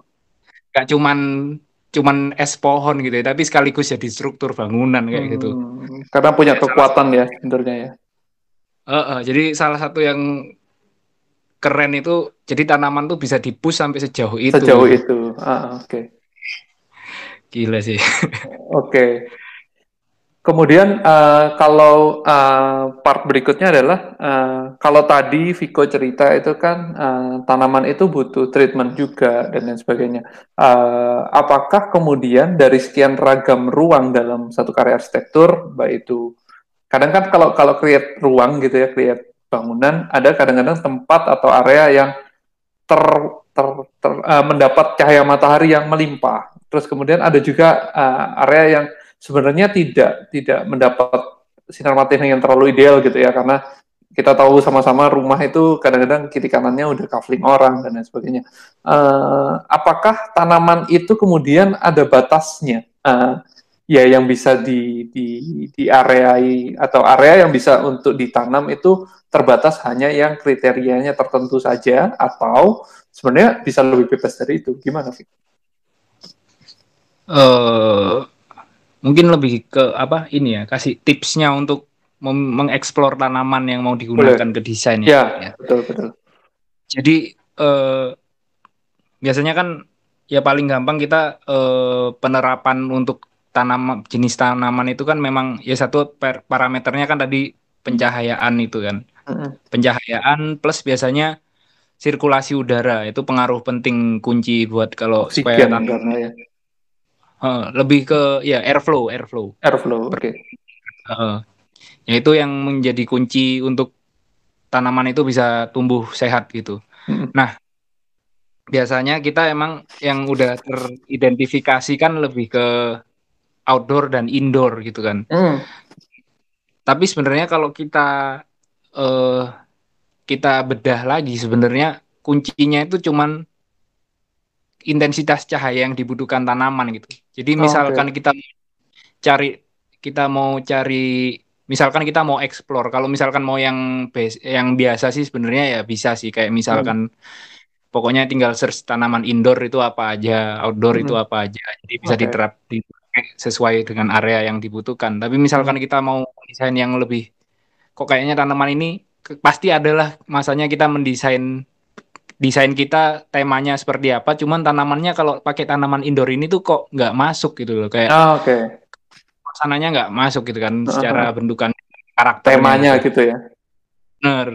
Nah, itu caranya adalah biasanya kalau aku explore ya. Jadi sambil jalan sih. Jadi kayak ntar nambah gitu istilahnya library-nya kita nambah gitu ya pengetahuannya. Mm-mm. Itu dengan cara kita lihat aja kalau misal kita mau butuh untuk tanaman indoor ya kita cari tanaman yang tumbuhnya di shaded area gitu istilahnya. Misalkan Oh, kita oke. kita bisa kadang kan misal yang dijual bapak-bapak atau tukang taman di pinggir jalan kan dia juga apa nggak selalu ada di internet gitu dia dia taruh di betul bawah, betul.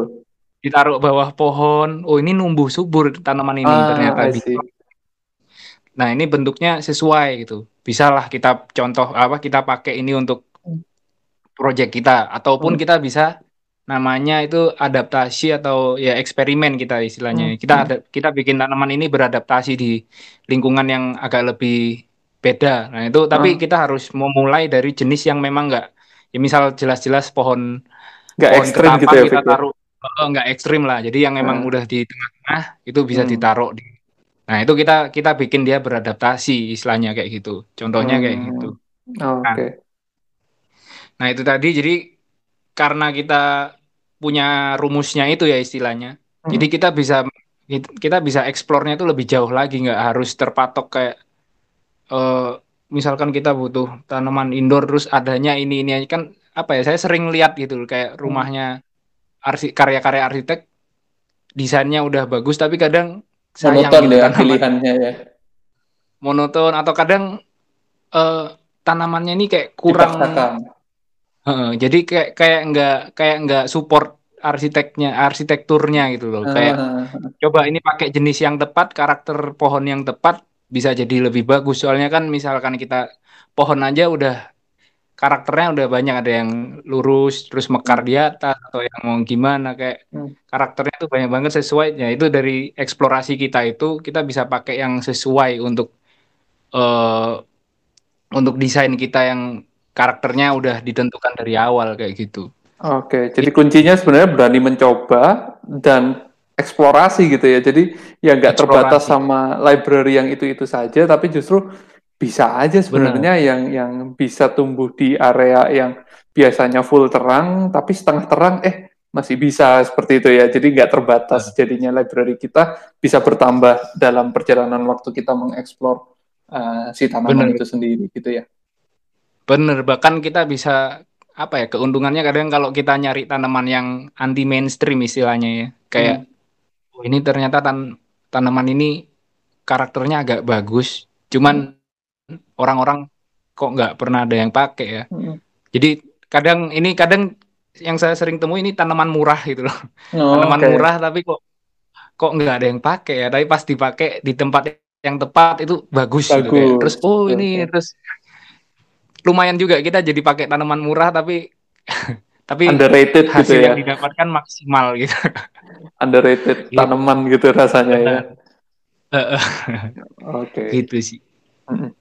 Uh, kalau bicara tanaman ini sendiri kan sebenarnya sebagai satu komponen desain dia agak beda sama komponen desain yang lain karena dia sebenarnya makhluk hidup, Fik. Ada ada iya. usianya. Yeah. Apakah semua tanaman itu apa ya hidup selamanya gitu istilahnya atau sebenarnya ada yang ya udah expected sekian bulan itu pasti mati harus diganti gitu uh, secara logika sih sebenarnya tanaman tan beberapa tanaman untuk landscape ini kalau misalkan kita bisa bisa maintain dia bisa supply kebutuhan dia ya dia bisa hmm. dia hidup terus gitu hmm. cuman cuman ya itu main uh, maintain ini dalam artian kadang kita perlu trimming kayak gitu kan. Oh, kita okay. perlu trimming, kita perlu ganti tanah. Misal kadang hmm. tanah bisa terlalu udah terlalu padat. Kalau tanaman kan kita kalau semakin hari nyiram taman tuh kan tanahnya dikit demi sedikit kan memadat ya. Betul. Nah, itu kadang kita perlu untuk sesekali di ya. ganti tanah, kita hmm. susun lagi ya itu istilahnya kayak permajaan lah gitu. Oh, okay. nah itu, itu barulah bisa tahan lama istilahnya. Makanya kan sebenarnya kita di landscape ini bikin bagus di awal tuh gampang gitu kan. Kayak kita mm. baru namanya pasti semua cantik gitu. Mm. seger tapi yang paling PR-nya itu PR kita bareng ya. Nggak cuman nggak cuman sebagai apa desainer dan maintenance tapi hmm. juga dari komitmen dari owner juga itu untuk hmm. uh, mempertahankan ini supaya tetap cantik itu gimana yaitu ya komitmen itu tadi dengan kita tetap rawat itu tadi. Oke. Okay. Tapi penyadaran itu sudah di yang kemudian di belakang hari menyesal dan lain sebagainya gitu ya. Gimana Pak? Sorry. Jadi pemahaman tentang perawatan ini sudah diberikan sejak awal ke klien juga ya.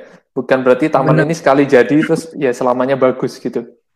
Nah, bahkan kita biasanya kan klien ada yang kayak karena budget terbatas kita juga bisa yang tanamannya ini nggak langsung jadi istilahnya. Oh, ini okay. akan bagus sekian uh, bulan kemudian gitu ya. Sekian bulan kemudian nih baru bagus kayak gitu. Nah, itu hmm. kita juga bisa kayak gitu. Oke. Okay.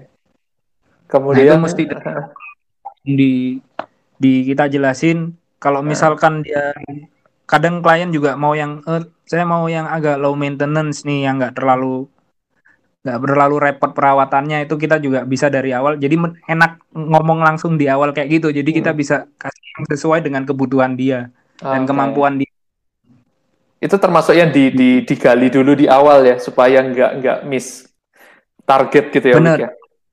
Uh, sama kayak kalau kita konsultasi arsitek lah kira-kira klien hmm. biasanya kita dia hmm. kita diskusi dia kebutuhannya apa sama aktivitasnya ya. supaya kita bisa delivernya ini yang sesuai sama ya, tepat gitu ya Kalau bahasanya mungkin yang kontekstual ya, Fik ya, kontekstual ke perawatan, kontekstual ke budget, kontekstual ke kontekstual tipenya. Ke, bener sama kondisi existing di kondisi rumah existing, dia juga. Betul, betul pencahayaan dan lain sebagainya tadi. Oke, Vic, kalau kalau ngomong tren sekarang salah satu yang saya amati kan lahan makin terbatas nih. Kemudian banyak orang nah. yang di rumah-rumahnya itu tamannya kecil tapi ya udah dibuat vertikal. Vertical garden sendiri termasuk termasuk gimana? Maksudnya di di di matanya perencana landscape ini vertical garden ini future kah atau sebenarnya justru ah dia nggak taman asli dia sebenarnya kan kayak pot yang disusun vertikal atau seperti apa pandangannya ke vertical garden ini? Vertical garden sih kita juga juga salah satu dari opsi kita juga sebenarnya. Jadi kita juga ngerjain itu juga. Cuman kalau eh, peran vertical garden buat kita ya ini kalau vertical garden itu sebenarnya ada dua macam. Jadi okay. ada yang benar-benar yang udah eh, sistemnya udah mateng, yang dari awal udah instalasinya utuh instalasinya gitu ya? udah uh, advance itu atau yang cuman pot dicentel-centelin kayak gitu. nah ini balik lagi ke kemampuan klien itu tadi. Jadi kalau oh, emang okay. uh, kliennya emang uh, istilahnya mampu mampu untuk mengurus tadi ya. Uh, soalnya kan high maintenance kan sebenarnya dibanding. Betul.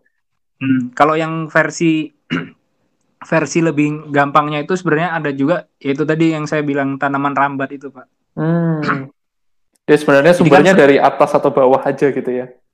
Bener. Kalau yang untuk biasanya kalau yang untuk pengganti vertical garden yang pakai instalasi itu biasanya dia dari bawah ke atas tanamannya. Hmm. Jadi ngerambat kita cuma butuh space kayak dua katakanlah 20 cm gitu.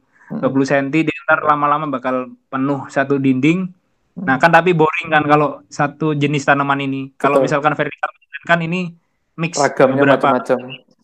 Hmm. Nah hmm. gimana caranya kok supaya bisa tetap dapat feel yang nggak monoton. Hmm. Nah itulah karena space-nya sempit, kita cukup yang ditanam tanah 20 cm, sisanya kita pakai tanaman gantung guys langsung di dicentelin di dinding kayak gitu oh, beberapa okay. kayak uh, tan tanduk rusa hmm. kayak gitu di pohon kayak gitu atau kita bisa digabung sama tanaman dalam pot di bawah yang agak tinggi hmm. jadi main ketinggian main tekstur kayak gitu nah itu personally sih saya lebih suka yang kayak gitu sebenarnya kayak oh, oke okay. kalau yang natural ya Fik ya uh, tapi balik lagi sih sebenarnya nggak nggak salah juga vertical garden vertical garden pun mau dibikin yang looksnya bisa natural sebenarnya juga bisa tergantung bisa. Hmm. gimana kita susunnya aja sebenarnya Oke. Okay. Cuman ya kalau vertical garden emang bakal maintenance-nya lebih susah kayak gitu. Terus okay. budgetnya juga lebih gede. Tergantung kebutuhan sebenarnya. Hmm. Tapi tergantung kebutuhan tuh kaitannya sama lahan tadi ya. Kalau emang lahannya emang ngepres gitu, ya mungkin ini salah satu solusi gitu ya. Bener. Oke. Okay. Kemudian uh, beberapa part terakhir mungkin ya Vic, dari obrolan ini. Uh, uh, apakah kesadaran arsitek atau pemilik bangunan gitu katakanlah terhadap taman ini menurut Viko udah cukup tinggi nggak sih? Atau sebenarnya masih kayak sebagian besar itu masih menganggap remeh tentang taman ini? Mungkin kalau dari tanaman ya Pak. kalau taman, kalau taman kan relatif lebih kayak space mereka ya. Betul betul. Kalau dari tanamannya sendiri sih saya lihat makin sekarang apalagi uh, work from home gini Iya betul. Orang-orang jadi mengeksplor gitu loh kayak apa ya uh, cari kesibukan apa ya terus ya nyoba pelihara tanaman. Jadi mereka uh, entah kena uh, makin ke sini sih minat orang curiosity-nya ke tanaman tuh meningkat gitu kayak makin oke okay ya. ya. uh, uh, jadi cuman ya mungkin pendekatannya beda-beda ada yang mulai interestnya lebih ke tanaman hias, ada yang hmm. ke tanaman pangan, hmm. kayak herbs gitu, hmm. makan uh, rosemary dan lain-lain kayak gitu. Ya, ada itu, hidroponik juga ya, Fik ya. Bener, hidroponik. Ada yang memang koleksi pohon-pohon gitu, mulai nanam uh. di taman gitu. Uh. Kalau makin sekarang sekarang sih uh, trennya istilahnya orang-orang mulai mulai mengarah ke sana ya, mulai hmm. makin aware sama tanaman ini. Cuman hmm. ya mungkin kita bisa bantu adalah mengarahkan itu mungkin ya. Gimana hmm. supaya bisa istilahnya bisa diaplikasikan di rumah dengan hmm. lebih maksimal gitu. Oke, okay. uh, mungkin boleh cerita sedikit Vic tentang Plikota. Ini kan Viko punya satu apa ya satu media yang uh, membantu teman-teman juga dalam me mewujudkan hobi bertanaman. Boleh cerita sedikit mungkin tentang Plikota ini apa sih? Plikota. Dulu tuh awalnya buka Plikota tuh cuman karena kepepet bodoh uang sebenarnya. Ini jujur terus, banget ya. Sangat jujur, Pak. Jadi okay. terus terus. Kayaknya harus dimonetize ini. Uh. terus cari cari makanya kan karena itu kan dulu sempat berhenti kan beli kota sempat ya. kayak jumlah juga gitu ya. Uh, vakum karena lebih fokus ke Pekerjaan. kerjaan lain. Hmm. Nah itu dulu fungsinya niatnya yaitu kan ketertarikan ke tanaman tuh awalnya ke tanamannya spesifik kaktus dan sukulen. Uh. Cuman karena memang eh, emang tem, apa semakin berjalan sih kayak interestnya lebih meluas ke tanaman yang lebih gede-gede kayak lebih lebih suka ke tanaman berdaun besar gitu hijau-hijau ya akhirnya lah terus jadilah mulai koleksi-koleksi. Jadi di kos ini di kos-kosan ini penuh ya, tangga tangganya itu dikasih tanaman saya sama. Jadi hijau ya ya? Bener. Bener. Terus akhirnya kayak uh, banyak yang ini beli di mana ini beli mana. Terus ya kenapa nggak di Bantu aja jalanin gitu. aja nih beli kota. Maksudnya beli kotanya dihidupin lagi hmm. sekaligus apa ya kalau beli kota ini niatnya tuh nggak cuman jualan hmm. tapi juga edukasi juga Diskusi ngasih tahu ini ya, ya. sih bener jadi bisa orang tahu oh tanaman uh, space itu space kayak gini tuh bisa diisi tanaman kayak gini-gini ya terus tapi harus gimana supaya supaya bisa hidup gitu oh ternyata hmm. perlu edukasi apa kadang orang juga kita juga nggak selalu langsung misal orang ini minta saya pengen tanaman kayak gini gini gini Hmm. Kalau misal tanamannya nggak cocok dengan kondisi dia ya kita langsung kasih tahu. Hmm. Cuman kita langsung kasih tahu juga, oh ini ini nggak bisa hidup di sini. Mungkin kita bisa pakai kayak gini-gini ya. gitu ya. Gitu. Jadi kita hmm. eh, pengennya itu sih kalau Plikota ini bisa komunitas juga ya kayak ah, sih. kayak kita mulai untuk melihara tanaman gitu loh. Hmm. Karena ya syukurlah di kosan ini udah nambah beberapa orang yang mulai ikut mulai lihat tanaman. Terus makin ini karena kebetulan kerja di di large ini uh. saya juga uh, belajar sedikit banyak belajar juga jenis-jenis tanaman terus gimana cara handle-nya. Jadi uh. ya ya bisalah uh, apa untuk bisa membantu menuju mimpinya nanti gitu. Oke, okay. ini ini apa ya kayak mimpi, langkah langkah langkah pertama untuk kemudian mimpinya nanti bisa terwujud di masa mendatang gitu ya, Fik ya ah, tentang tanaman ini. Amin lah Pak. Bisa diterapkan ke arsitektur kalau bisa maksudnya. Oh, Oke, okay. integrated sama arsitektur gitu ya. Benar, gitu. Gimana desain ini nggak cuman apa tamannya itu nggak cuman kayak ya udah taman tapi gimana punya dampak yang saling terikat gitu sama bangunannya. Oke. Kemudian mungkin beberapa ini ya uh, bagian terakhir kalau Viko kan sebenarnya kalau mau dibilang udah cukup expert gitu ya Vik ya tentang tanaman ini pengetahuannya tentang tanaman, hobi dan lain sebagainya membawa Viko pada satu set apa ya pengetahuan tentang tanaman yang yang yang sayang gitu rasanya kalau nggak dibagikan. Ada referensi nggak Vik untuk tanaman buat yang misalkan ya kasusnya adalah mau mulai pelihara tanaman, nggak bisa ngerawat, tapi mungkin istilahnya tadi Viko sempat sebutin di awal underrated gitu, misalkan uh, murah iya. tapi bagus gitu. Itu apa aja, Vik? Hmm, paling yang contohnya yang paling gampang kan yang udah terkenal semua orang tahu Monstera ya paling gampang. Yeah. itu Monstera. itu okay. gampang tapi efeknya itu lumayan signifikan kayak memuaskan lihat juga ya. Hmm. Oke. Jadi kalau ngelihat rumahnya Pak Reddy ini kadang wah ini sekali ini enak nih kak dikasih tanaman di sudut-sudut ini kayaknya lebih enak gitu. gitu cuman Oh. jenis-jenis yang apa ya jenis yang lumayan estetik lah istilahnya itu yang Mhm. sangat underrated itu lidah mertua tapi yang daunnya lebar pak Lidah mertua Jadi daun lebar ya. mau searching itu eh sensitiva whalefin Sorry, whale paus sirip sirip paus whalefin Oh, Wilfin. Wilfin. Ah. Oke. kalau dia kita lihat tuh biasanya kayak ada di ada di ping, depan rumah orang orang tua lama gitu biasanya udah numpuk-numpuk gitu kan kayak berantakan sebenarnya kalau kita pecah satu gitu ditaruh di dalam satu pot Oh, I see, I see. estetik gitu kayak kayak Nah, kalau numpuk-numpuk jadi nggak nggak bagus ya, Fik ya. Kalau satuan Iya, kan? jadi estetis betul Nah. betul betul. ya kan kalau kita treatnya bener terus contohnya kayak ini yang satu lagi Eh, pacira Pacira. pacira itu hmm, pacira aquatica biasanya nih kalau sama orang lama itu di dikepang tanamannya pak Oke. Jadi tiga, tiga tanaman dikepang jadi satu. Yang menurutku malah kurang gitu loh. Lebih Ah, bagus kalau cuman natural satu dia batangnya agak meleng, dari besar mengecil terus agak nekuk sedikit terus atasnya buka gitu kan. Hmm. Nah, Kalau Pak Randy lihat storyku beberapa kali yang lalu itu saya taruh di deket tempat tidur itu biasanya. Oh, itu oke. yang gitu biasanya.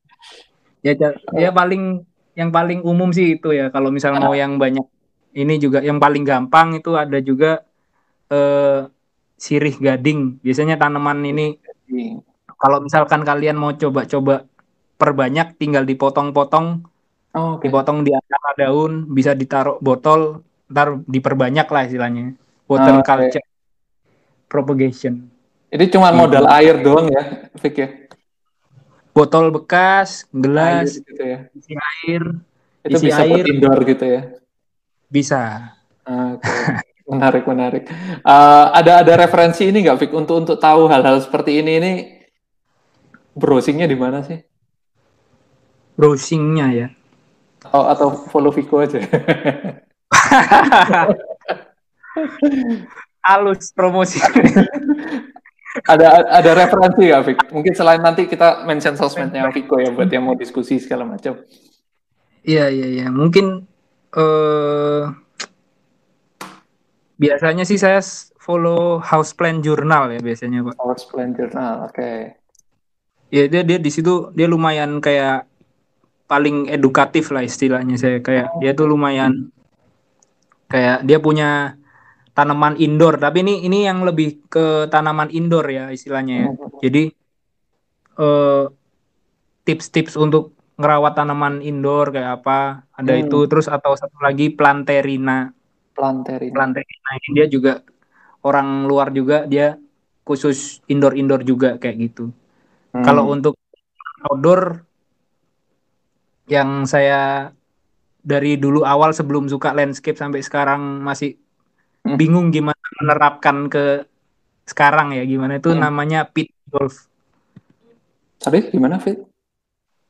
Pit Udolf P I E T Udolf Udah. Gitu, oke oke oke. Ini search-nya di mana, Fik? Di di website atau di Instagram? Instagram ada website ada Ah, Oke, Pit Udov. Tadi beberapa mungkin teman-teman udah sambil mencatat juga ya. Ada beberapa referensi dari Vico, ada beberapa tanaman tadi katakanlah ada monstera, lidah mertua yang Welvin, ada sirih gading gitu ya, dan beberapa media-media yang mungkin bisa teman-teman follow juga untuk belajar tentang tanaman. Kalau minat gitu ya, ada Houseplant Journal, ada Planterina, ada Pit Udov tadi. Ehm, mungkin terakhir Vic buat teman-teman yang pengen ngobrol langsung dengan Vico uh, bisa ke sosmed mungkin ya. Sosmednya Vico boleh dimention Vic. bisa Vicolius V I C K H O Lius. L I U S Oke, terus kalau tadi Plikota di Plikota IG-nya Plikota P L I K O T A Oke. Nah. Uh, Viko juga tergabung di uh, masa rencana masa depan ya Viko. Ya? Ini ada RET Studio juga ya. Uh, uh, sebenarnya ini Victor, ya. udah dari dari kuliah sebenarnya dari lulus kuliah kita bikin ini bareng. Okay. Cuman ya sambil jalan sampai sekarang gitu. Oke, okay. kalau mau lihat karya-karyanya Viko bareng Peter ya, itu di RET Studio, A R E T E S T U D I O .id. Terakhir Vic, buat pesan-pesan mungkin buat teman-teman yang entah mau mulai atau menyadarkan teman-teman tentang taman atau tanaman ini, boleh sedikit uh, pesan-pesan dari Viko. Pesannya yang paling gampang, jangan kapok kalau misalkan tanaman pertama kalian mati ya. Oke. Okay. Soalnya, soalnya orang pasti pernah itu. Ya, dan ada nggak belajar ya, Vic ya. uh, kalau nggak gitu nggak belajar. Oke. Okay. Dicoba makanya beli yang murah-murah dulu. Jadi kalau ah, okay. mati ntar kalau udah jago baru yang lebih mahal gitu. Mm -hmm. Oke. Okay. Ada lagi Vic selain itu? Udah, udah sih Pak. Cukup ya.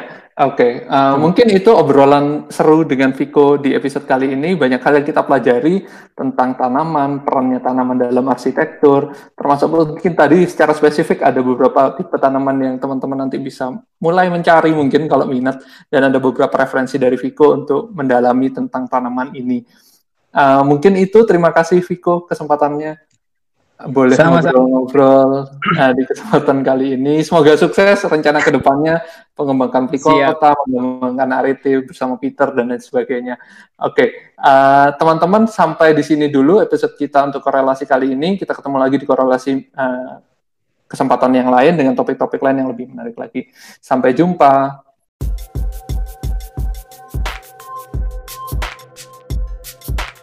Thank you for listening.